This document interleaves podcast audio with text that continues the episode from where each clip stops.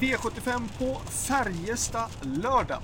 Regnet det bara öser ner, men jag tror inte att det ska vara någon fara. Det ska sluta att regna innan lördag.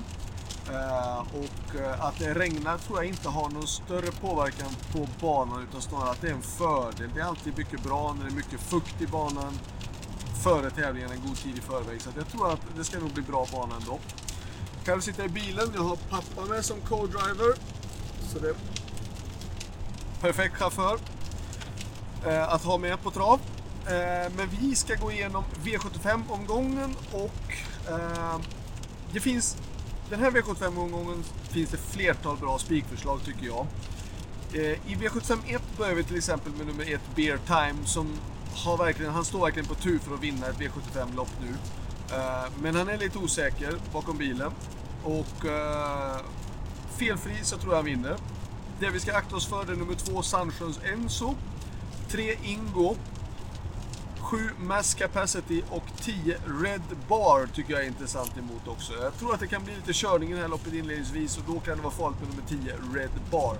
Kanske nummer 8 Majestic Man som fel spår, skulle jag säga. V75 2, då är det väl stor chans att den här nummer 2, Mr KOZ, vinner det här. Eh, värst emot, då säger jag nummer 4 Habrik Am, 5 Emperor, 9 Goes All Magic och 10 Lorenzo Boko. Men jag skulle säga att tvåan är den solklara första hästen och där bakom är det eh, väldigt öppet skulle jag säga. V75 3 gulddivisionen och normalt sett så ska 4 Missile Hill vinna det här. Det är liksom vad man kan, inte kräva kan man inte göra, men förvänta sig ändå med tanke på utgångsläget. Eh, ett Disco Valante har då eh, inte startat på ett litet tag och han går ut på 2-1. Han brukar ju gå som allra bäst när det är vinter. Eh, men det är klart att Disco Valante skulle kunna utmana från ledningen, absolut. Men jag tror Missile Hill vinner. Och värst emot då tycker jag är Disco Valante 5 eller 6 Garrett Boko och 9 Melby Free som känns fortsatt fin. Det gör de. Eh, ett ragazzo, eller två Ragazzo da Sopra, ja han, han går jämna bra prestationer hela tiden. Men det är klart att vinna kanske är lite tufft ändå. V75 4.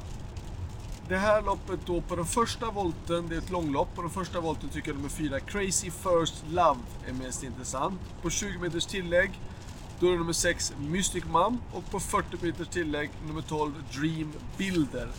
Där bakom tycker jag att det är otroligt svårt det här loppet. Sju Cruise, han känns fin och han ska gå barfota. Eh, han går ganska bra på långa distanser tycker jag. Han går ganska bra på alla distanser. Men, men eh, han behöver en riktig smygresa för att han ska kunna vara med där framme. V75 5. Då är det nummer 2 Bugatti Miles som har den stora chansen. Eh, han har ett bra utgångsläge, kommer från en bra seger. Eh, värsta motståndaren, eller de jag tycker är farligast i sådana fall, är nummer 4 Mandela Zon eller faktiskt nummer 10 Gaylord Am. Om Gaylord Am ska gå barfota runt om kan jag tycka att det är superintressant och Mandela Zon vet vi att han kan göra en hel del jobb om man eh, även om han går med skor. Jag tror inte att det ska vara en nackdel. Han har gått väldigt bra med skor i sådana fall. Men två Bugatti Miles är den stora och bra chansen. V75 6 är unionskampen för kallblod. Och eh, unionskamp vet jag inte om det är, för det är nio kallblod, norska kallblod och ett svenskt kallblod. Eh, så att det känns så här kommer bli en norsk uppgörelse. Eh, men med svenska kuskar skulle jag säga. Jag säger fem Tangenhap eh, och tre Åsrud Vilja. Och sen så vill jag säga att jag gillar verkligen nummer 6 Våle Nikolaj. Jag tycker han är en supermysig häst. Eh, jag tycker alltid att han går bra, väldigt bra tider. Och jag tror att han är en framtida bra topphäst. Eh, och, men det kanske är lite tidigt ändå att utmana de här allra bästa tangerna på Åsunds vilja. Men jag tror att då, om jag får rätta loppet så kommer han nog kunna springa riktigt fort, det tror jag. V75 7. 1 Mr Donald, tyvärr galopp senast. Nu skapligt utgångsläge och barfota och ska sträckas. 2 Oracle Tile. Eh, ska absolut sträckas. Där bakom 6, 5 Vianisi. 6 Gogo Betsisu och 7 Deal Danset. Set. Det är de jag tror det står mellan 1, 2, 5, 6 och 7.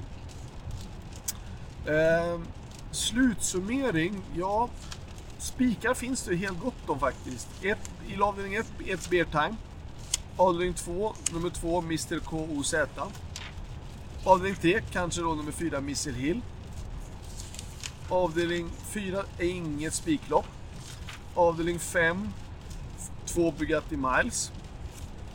Uh, avdelning 6, det är många som spikar 5 Tangenhap. Men jag, när Örjan Kihlström hoppar upp sådär på, på en bra märr så, som vi vet kan gå extrema tider kan jag tycka att det är intressant. Och i avdelning 7 är absolut inte ett spiklopp. Eh, när det gäller mina chanser så tycker jag kanske ändå att den bästa chansen jag har är ändå i den sjunde avdelningen, nummer ett, Mr Donald. För att han är den hästen som har, inte på kanske just på att han har bästa formen, men för att han är den hästen som har bäst utgångsläge.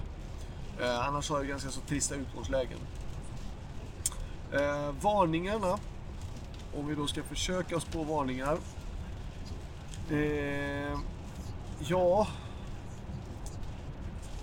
en häst som visar otroliga fartresurser, men det är väl kanske långt ändå. Det är den första avdelningen nummer fyra, Önas Nogat, som har ett bra utgångsläge.